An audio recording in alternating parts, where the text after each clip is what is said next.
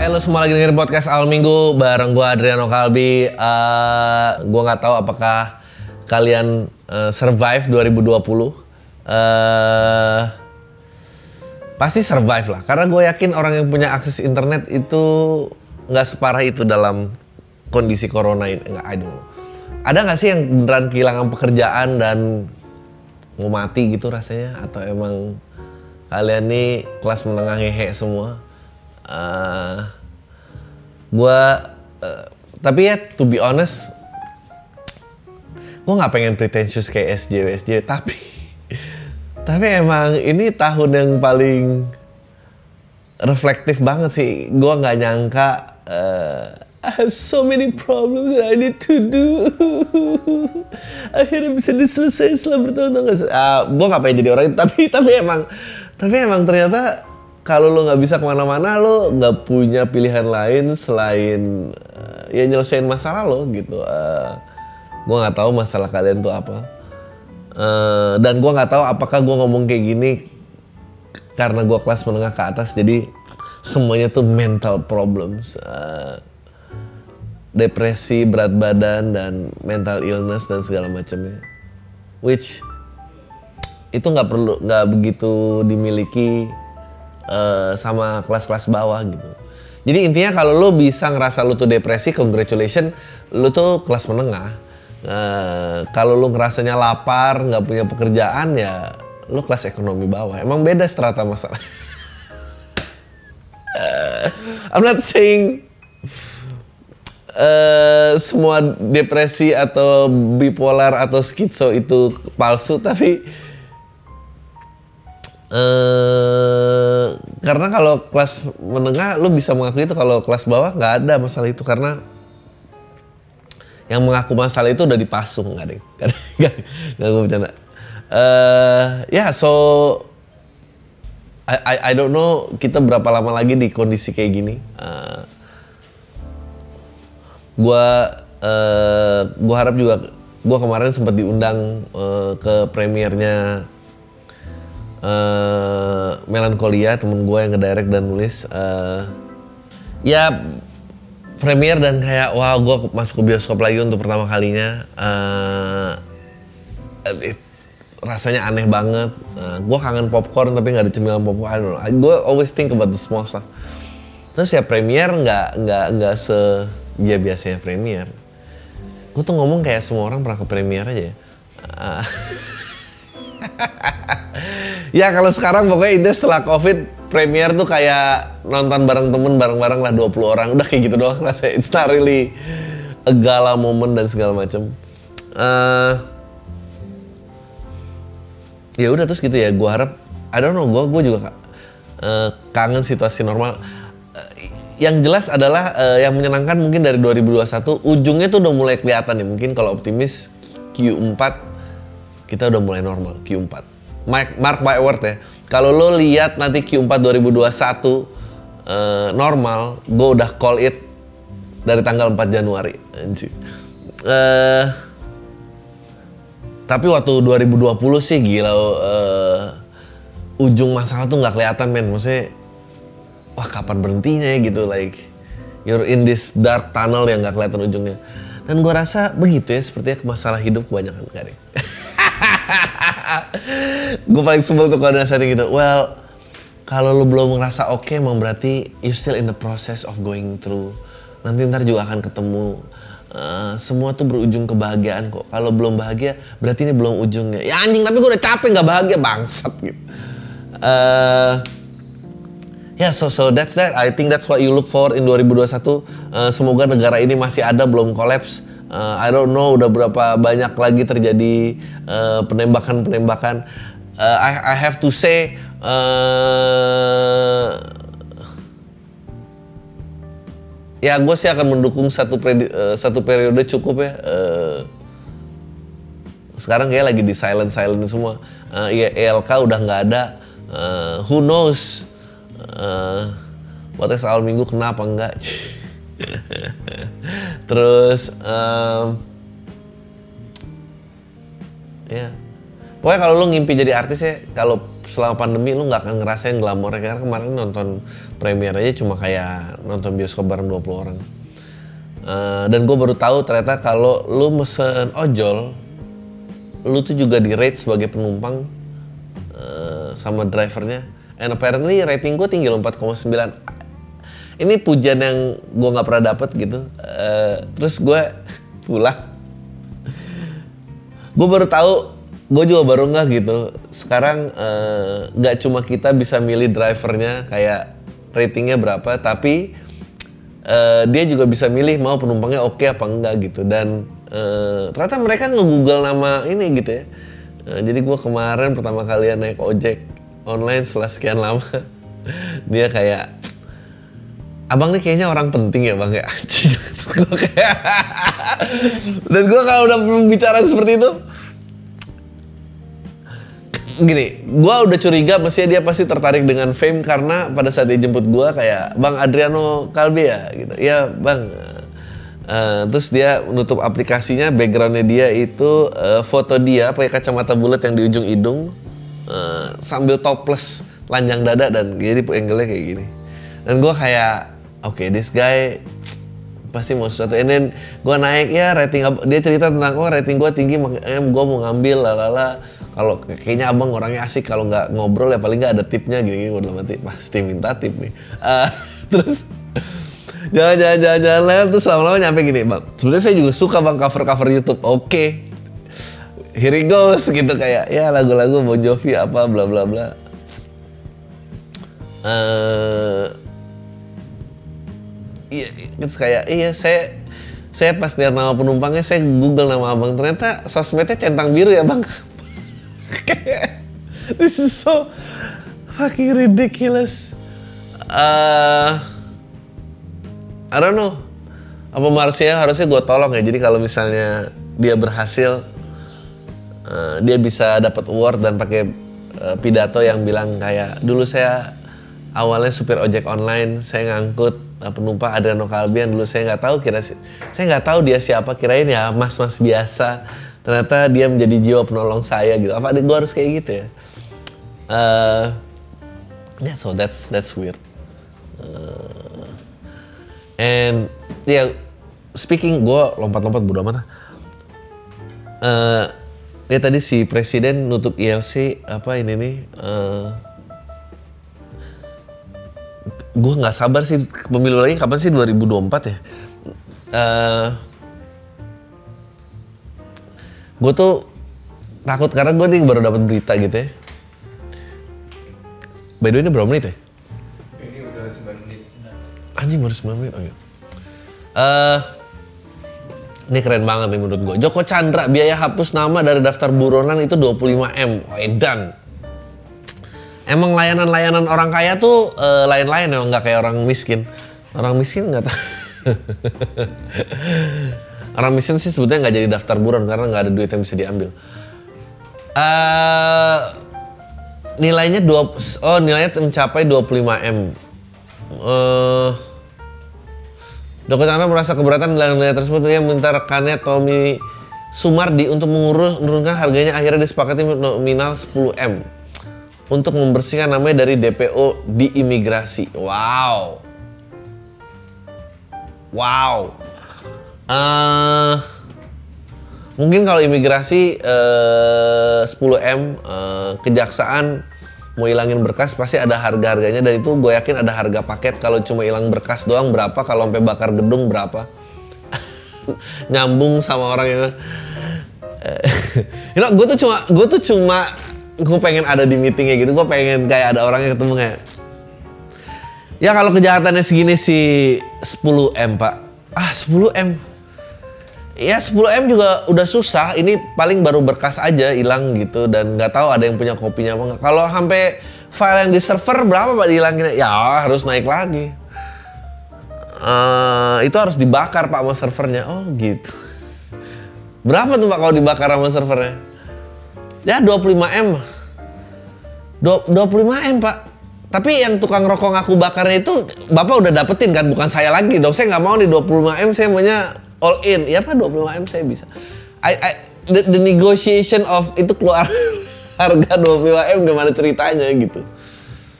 And then dia akan eh, dan dan pasti yang nego tuh eh, bukan orang yang kerjain dia tuh cuma broker doang. Dia pasti akan nelfon nelfon kayak eh Sarip temen lo yang masih nganggur ada berapa? Bilangin bilangin Rip. Bilangin ada lima. Oke Rip bilangin Rip. Eh, yang lima itu keluarga berapa gitu. Tanyain keluarga mau disantunin 10 juta nggak selama enam bulan? Jadi 60 juta gitu kali 5 300 juta. Mau mau bang? Mau bang? Sip Bang. oke. Ya nanti ntar suruh standby aja di perempatan bawa puntung rokok. Everything in this country is a fucking joke tau gak?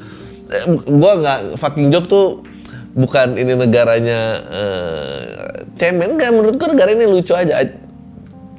Eh, banyak setup setup nggak penting. eh, ada lagi yang baru nangis nangis tuh kan eh, menanggapi tolonglah Pak Jokowi berikan keadilan terhadap enam orang yang ditembak, lalala. Ya, orang yang sama yang nangis dengan bawa-bawa selongsong peluru waktu itu. Eh, gue nggak mau nyebut namanya, lu google aja siapa yang lu nangis pakai selongsong peluru. Gue tuh cuma kayak nonton itu karena gue orang production dan gue kayak ngeliat ini tuh production setup loh. This is not natural. Siapa yang jalan-jalan ke mana bawa selongsong peluru nggak ada. Itu pasti kayak udah saya saya wawancara. Iya pak. Siap. jangan lupa ya pas longsong. Oh ya makasih. Saya hampir lupa. Ini gitu. and then dia ke depan kamera dan nangis nangis itu kan nggak mungkin saya sendiri. Udah selongsong peluru nggak mungkin gitu ceritanya. Itu ada yang set up pasti. Itu eh I don't know. Gua rasa ya gua gua mau bacain skema perangnya I think yang perang adalah eh, rezim sekarang eh, dengan Cikeas Cikeas kayaknya eh, gandeng-gandeng yang berjubah. Am I gonna get? Gue akan, gua akan ketangkap gak sih kayak gini? Eh, terus kalau yang rezim sekarang gesek yang berjubah, yang Cikeas lapornya KPK, buka-bukain korupsi eh, kementeriannya gitu. You see what's happening? Like makanya makanya sekarang lagi sisir-sisiran nih, gue bacanya nih. Eh, aparat yang siding-siding ke sana disikat-sikatin, dipecet-pecetin, diganti-ganti. Stasiun TV yang lebih mihak sana di ini like it's it's on man. Dan eh oh please bagian ini di audio aja jangan ada di jangan jangan jangan ada di visual serem.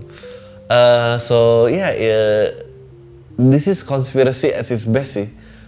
Eh, mereka tuh emang harusnya buat korupsi tuh transparan aja. Jadi setiap lembaga gitu ya, kalau dia udah misalnya targetnya satu sisi itu 10 T gitu. And then kalau udah 10 T gantian like kayak tukang parkir bagi-bagi perempatan aja, you know. Like eh udah habis jamnya ganti ganti ganti ganti ganti nggak ada ya bang tapi gue belum dapat nggak ada lo deh mau lu pakai waktu apa lu mau pakai eh, duit boleh tuh Eh, karena nggak akan bisa dibendung Eh, kedua semua semua semua akan berusaha mengambil sisi kemanusiaan biar dapetin pi, biar dapetin dukungan suaranya. Eh, Oke, let me how to explain ya. Jadi jadi punya ada sosial issue nih. Waktu periode satu SJW tuh masih kuat banget tuh. Makanya isu HAM menarik karena dia akan menjadikan PR sendiri. Nah, tapi isu HAM itu nggak cuma bisa dipakai sama rezim yang sekarang. Rezim lawan juga kalau rezim yang sekarang lakuin pelanggaran, rezim lawan akan eh, memb- membakar isu HAM biar ada publik yang nyaplok. Karena kan yang fight itu kan jadi state, public sama corp- corporation Eh, dan di state itu kan banyak lawan-lawannya dia pasti ad- ada yang mau nyaplok. Nah sekarang gimana eh, publik tuh bisa eh, pro ke mereka? Which not how supposed apa society supposed to work. Eh, Mestinya state itu eh, memberikan keadilan sebesar-besarnya antara eh, publik sama corporate gitu. Eh, tapi yang kejadian nggak kayak gitu. Now it's a dan sekarang tuh ada ada dua giant yang lagi tempur yang uh, we don't really know gitu. Um, kayak misalnya mendistribusikan vaksin yang belum jelas keabsahannya. That's a... Gue tuh nggak percaya ada berita sebodoh itu sih. Itu kayaknya mungkin serangan dari tempat lain gitu. Karena medianya juga udah nggak ada media netral. Uh, lo bisa cek gitu pemilik-pemilik media besar tuh siding di di, di partai apa gitu. Dan dan biasanya beritanya seperti itu. Uh, dan gue ngerti gitu kenapa uh, eh, ELC yang dikat karena itu bukan media yang dipegang rezim sekarang. Kalau dia coba kalau pelanggaran yang sama whatever yang dia put di ELC itu ada di Metro dia nggak akan lakuin itu. Karena Metro punya punya kanan atau kiri atau apa. Ya pokoknya gitulah kira-kira. Uh, jadi emang kita tuh semua insignifikan dalam pertarungan ini. Makanya uh, 2020 di jadikan tahun reflektif aja untuk menyelesaikan dosa-dosa bagaimana kita menjadi lebih kuat menjadi lebih bahagia. Karena ya emang cuma gitu-gitu aja kok cuma gitu-gitu aja kecuali gue yang jadi presiden gue jadi presiden baru nggak deh gue nggak mau jadi presiden I don't think there's anything funny about being presiden, you know. Semua orang setuju sama lo. Oh, bagus pak, bagus pak, bagus, bagus, bagus. You know. Ide lo nggak pernah di challenge. Uh, semua ketawa akan joke lo karena emang lo yang gaji mereka. So, uh, ya apaan gitu. Uh, gue salut sih masih ya gue emang skeptis gue tapi gue salut sama orang-orang yang masih cita-citanya mengubah negara ini. So hopefully uh, ya 2021 kita masih bisa bernegara ya uh, saat pandemi udah kelar. Nggak lucu kalau tiba-tiba udah kebagi tiga negara. Dan uh, membuat negara tuh berat. Pasti ntar militer dulu yang harus masuk gitu uh, lu nggak punya kebebasan-kebebasan yang sekarang lu punya dan nggak ada lagi kejadian-kejadian lucu atau kayak kriminal-kriminal baru yang you know, ngilangin nama pakai 25 m ini menurut gue luar biasa sih. Um, terus ya nggak tahu, I don't know vaksin bakal sebetulnya vaksinnya efektif, pendistribusian vaksinnya itu yang question mark.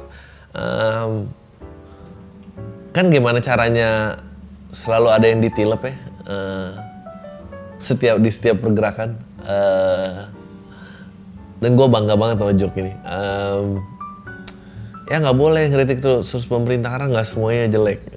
Ya suami yang suka mukulin istrinya juga nggak setiap hari mukul istrinya maksudnya dia ada momen capeknya dia ada momen minta maaf kadang ngerayain ulang tahun janji akan berubah tapi besok mukul lagi gitu. Itu itu bukan berarti lo nggak boleh dikritik gitu. Itu emang ya kalau udah sakit jiwa ya sakit jiwa. So ini tuh sickness ini tuh bukan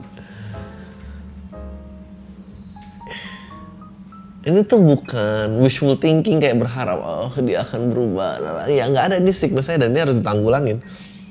Uh, katanya 75 juta orang harus membayar vaksin sendiri.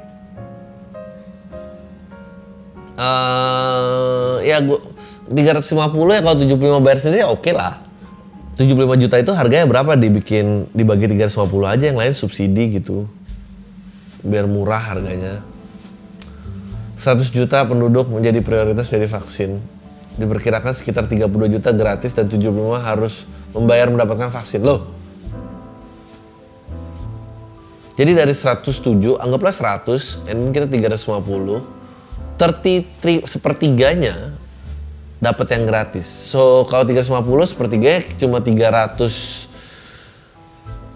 20 something lah. Eh 32 something. Eh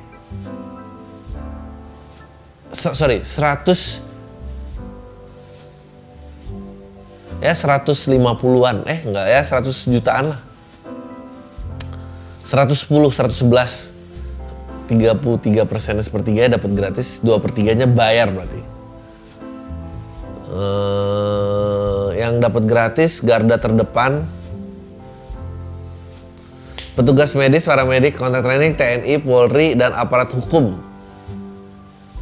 Ah, nomor dua, tokoh agama, masyarakat, perangkat daerah, kecamatan, SD, RT, RW. Wow, RT, RW dapat vaksin gratis. Iya, ini pasti baru pertama kali nanti berikutnya pemilihan RT rame nih orang yang menyalonkan. RT RW itu kan paling malas orang nyalonin itu cuma korban-korban orang tinggal di komplek baru aja tuh kayak ah dan anak baru nih dia jadi RT gitu.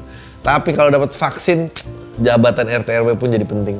Eh, guru-guru, aparatur, peserta BPJS, masyarakat dan pelaku perekonomian. Sedangkan sebanyak 75 juta harus membayar 200 ribu untuk vaksinasi. Ya jadi instead of sa- oh, 200 ribu oke lah. Cie. Buat gue oke, gue nggak tahu ya lu tuh gimana. Apa ada deadwood deadwood di sini? Ya ampun kasihan banget. Itu pasti ntar akan ada tuh. Kita bisa, ayo galang dana beli vaksin untuk masyarakat yang tidak mampu. Ah. Menurut gua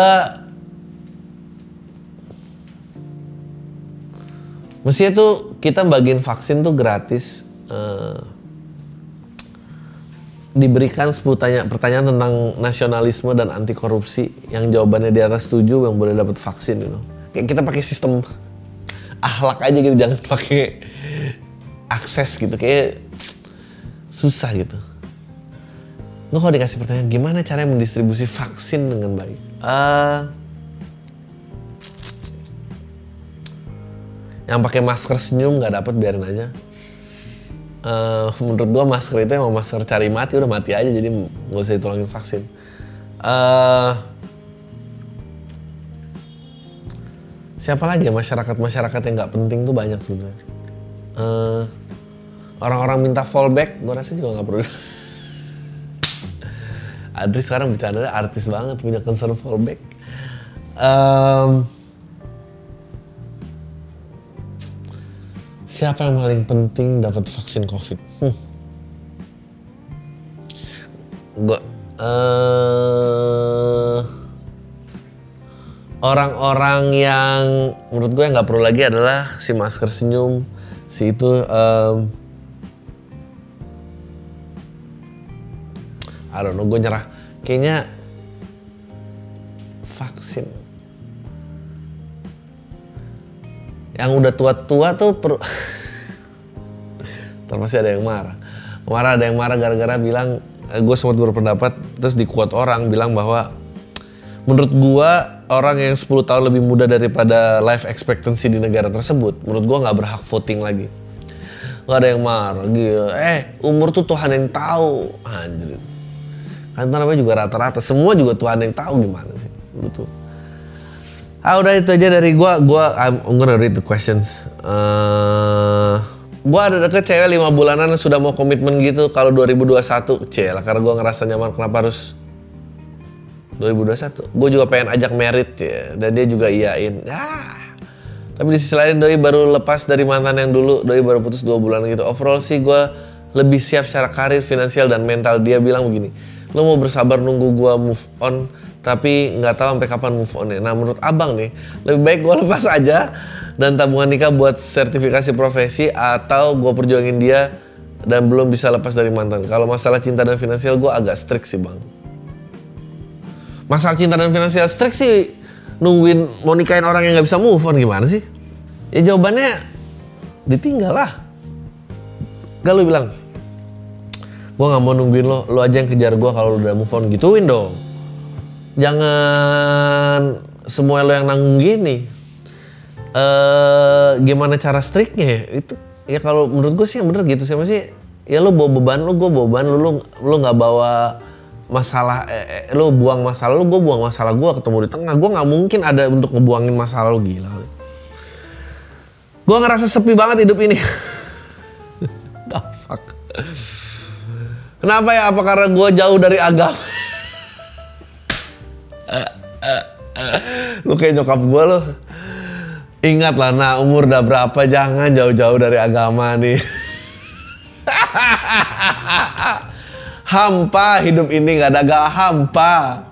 Dia kalau baca gini nih ma- kan kan kan mama bilang juga. Gue kuliah nggak bener tapi bukan anak bandel. Kawan dikit nyari pacar susah. Ngentot lu.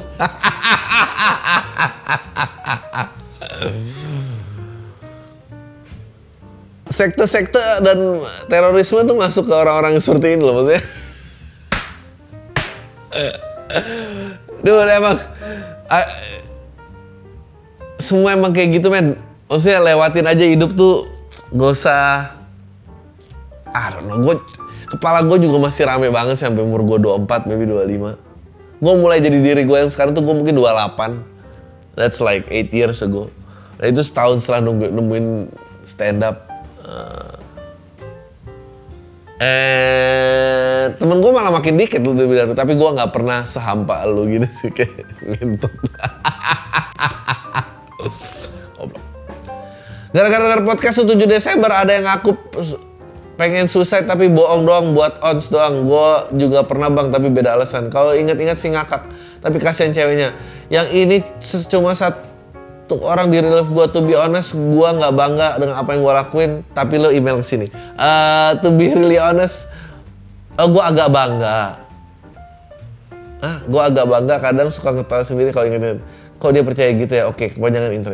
Jadi, Gue dulu pas jadi mahasiswa baru di salah satu kota Jawa Timur, gue pernah main alter di Twitter. Gue asli ibu kota di sana ngekos malam-malam gue buka Twitter aja iseng bang. Ngechat cewek dari Twitter ya, alternya uh, not safe NSFW dong, bukan NFSW. By the way ya. Hah? Dapatlah satu cewek singkat cerita gue bilang ke dia kalau gue suka mikir terkait orientasi seksual gue. Ini gue bohong sih tapi gue ngaku anjing banget. Lu ngaku gay demi dapetin cewek bangsat. Ini gue bohong sih, tapi gue ngaku kalau gue sekilas suka buka situs bokep yang gue tonton gay porn. terus kalau di Twitter ada video-video lewat cowok sama cowok kadang suka nontonin terus cerita gue pernah dicat sama cowok gue ladenin padahal mah kagak. Eh dia nawarin buat BJ dong.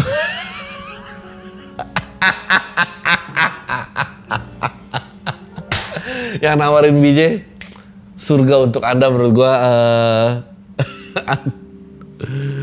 ya Allah eh, katanya janganlah sama cewek aja terus gue yain aja. Tapi tapi beneran tuh besoknya gue ketemu jemput dia ke hotel malamnya.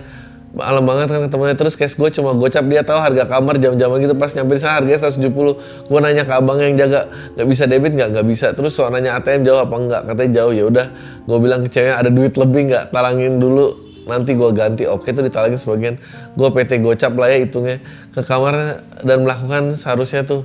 Skip skip skip. Kelar nih gue habis makin males tuh.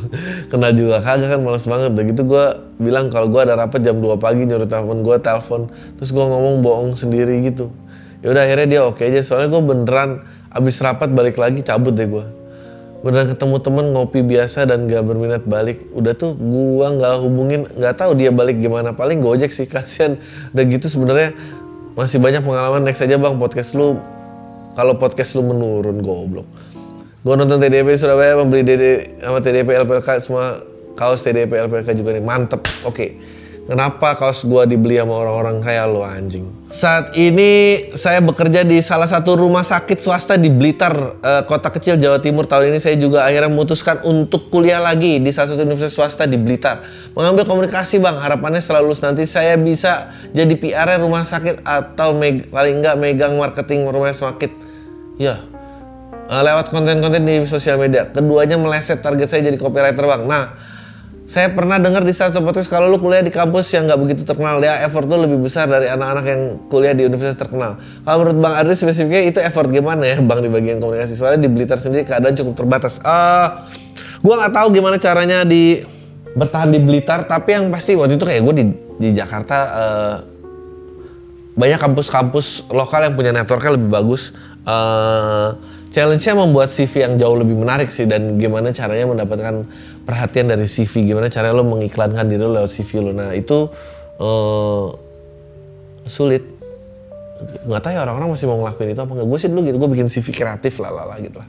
Gue email kedua gue selama dengerin lo gue ada cerita lucu sekaligus dark. Selama WFH gue masih sering nongkrong sama anak kompleks. Terus gue ambil cuti Senin Selasa. Gue ngerasa lumayan bosan nongkrong sama cowok terus jadi gue iseng ngajak cewek de lewat dating apps sampai gue tahu dia kenal sama temen gue dan temen gue dia bilang dia disable Tangan yang kiri dari siku ke bawah nggak ada sampai akhirnya gue nggak jadi nongkrong bareng dia. Asli dia cantik, pinter, baik, tapi gue ngerasa hidup gue nggak bisa senobel itu. Menurut tuh tindakan gue gimana bang? Ajarin gue nolak yang bener dong, hah? Kemarin gue bilang gue kudu ke kantor dadakan by the way kita cerita ke teman-teman gue pada ngakak semua sukses tuh temennya. Gue tunggu tulisan lu selanjutnya. Ah, menurut gue kalau emang lu suka dari personalitinya sih, ya lu harus ajak dia keluar sih. Kan lu tidak ada meni- memanfaatkan kecatatannya. Menurut gue yang bikin asshole kalau orang memanfaatkan kecatatannya orang gitu kayak misalnya lu misalnya lu penasaran ya memang orang cacat itu asshole tapi bukan berarti orang cacat nggak boleh tidurin boleh. Kalau emang bener saya silakan aja gitu. Cuma kan tipis ya bedanya ya. Maksudnya lo harus bener-bener yakin. Ntar kalau ditanya sama temen lu gimana? Kalau diledekin gimana? Kalau tangannya cuma sebelah gue langsung lanjutin. Kalau pegal nggak usah ganti tangan I'm sorry I'm sorry Uh, yeah, I mean if, if you find the personality interesting, menurut gue ya ajak jalan lah. Uh, tapi kalau ternyata it's too much for you to handle, ya lo akuin ke dia dan gue yakin dia jauh lebih menerima sih daripada di ghosting. Karena mungkin gue dia sering di ghosting karena, karena ngetiknya cuma sebelah tangan enggak deh.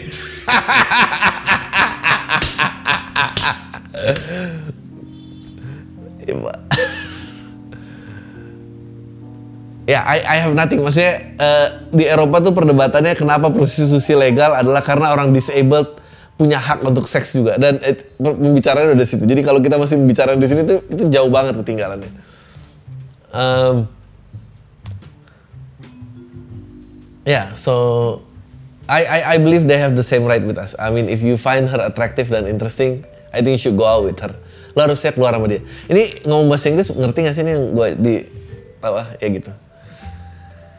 Ah, gue pendengar pam sejak setahun yang lalu. Gue nonton video Mas Manjir Cost of Being Comedy, uh, Being Funny yang bareng lo dan Coki kebetulan akhirnya gue nonton SNL dari YouTube kebetulan download aplikasi NBC biar nonton full episode-nya. Pas lo ngebahas SNL di video itu, gue serasa orgasme karena kebanyakan variabel yang lu Mas Panji dan Mas Coki sebutin relate dengan referensi tontonan gue beberapa bulan ini. Gak cuma SNL, gue juga berusaha nonton late night talk show di YouTube mulai dari Fallon, Gordon, Kimmel, O'Brien, bahkan Carson. Walaupun di bagian Carsonnya gue cuma kepo sama monolognya doang. Nah gue mau nanya dong bang, menurut lo yang bikin Johnny Carson atau David Letterman itu bisa megang jabatan host late night tonight show dengan waktu yang cukup lama padahal umur mereka nggak muda lagi pas mereka mulai nge-host. Eh, yang bikin bisa bikin lama karena eh, penontonnya beda banget sama kita. Well, seperti Chris Biantoro juga lu lama jadi host. He's old. Eh, ya nggak appealing karena di Indonesia menurut gue semuanya pengen muda sih and, and di luar tuh lebih menghargai mature market Eh, like Tony Stark was a 40 year old guy. Maksudnya dia kayak bapak lo gitu. Um, Gundala nggak akan 40 umur orangnya.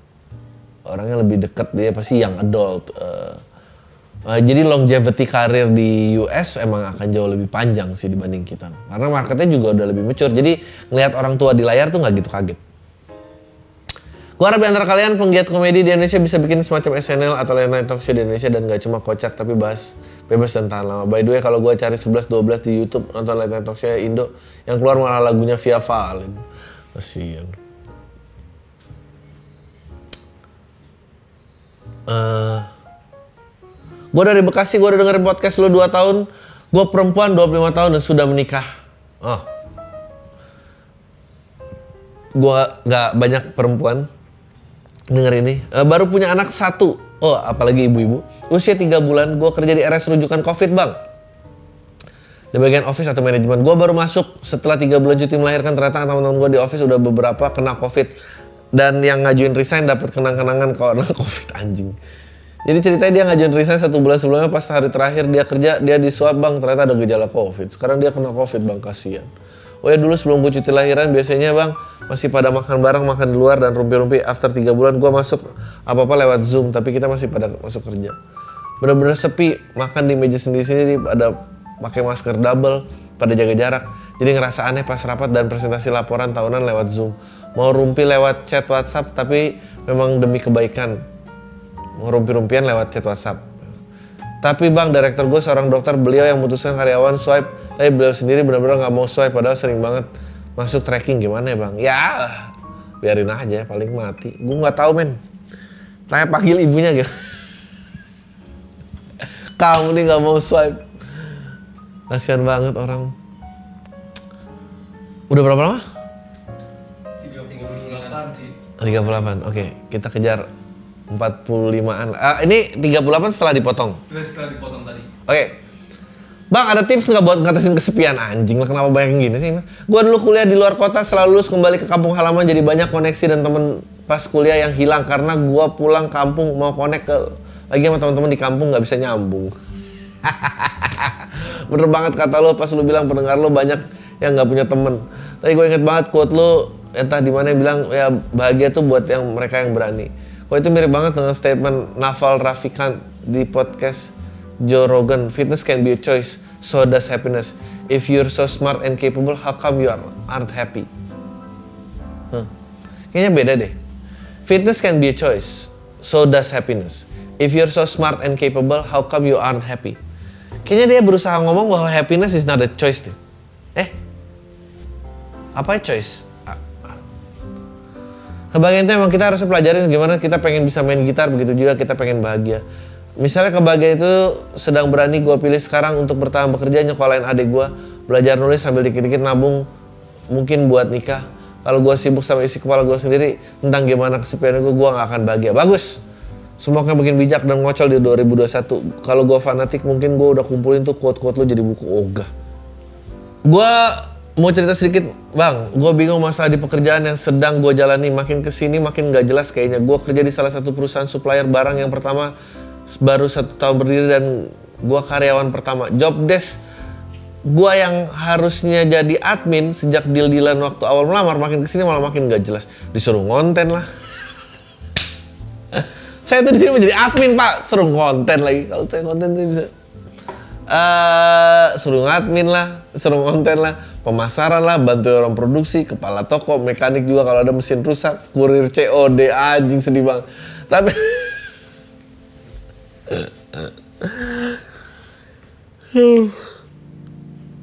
Tapi gaji masih aja tetap nggak ada tambahan dan itu pun masih di bawah UMK. Dan secara penjualan perusahaan ini juga nggak ada naik-naik. Padahal kita udah ada sales tapi ya gitulah sales seenaknya nggak pernah ngelewatin target dan yang bikin saya risih rasanya pengen resign aja tuh istri dari bos saya. Hah? Dan yang saya dan yang bikin saya risih rasanya pengen resign aja tuh istri dari bos saya. Hah? Goblok nih nulis nih. Gua masih gua masih ngelakuin udah semua itu tetap aja salah terus kayaknya di matanya. Hah?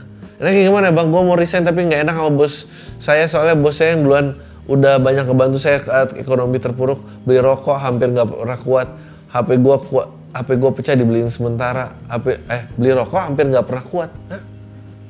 goblok nih pantas lu jadi suruh kurir COD anjing nulis aja nggak bisa gini bangsat lu emang lu kalau jadi admin lu salah semua.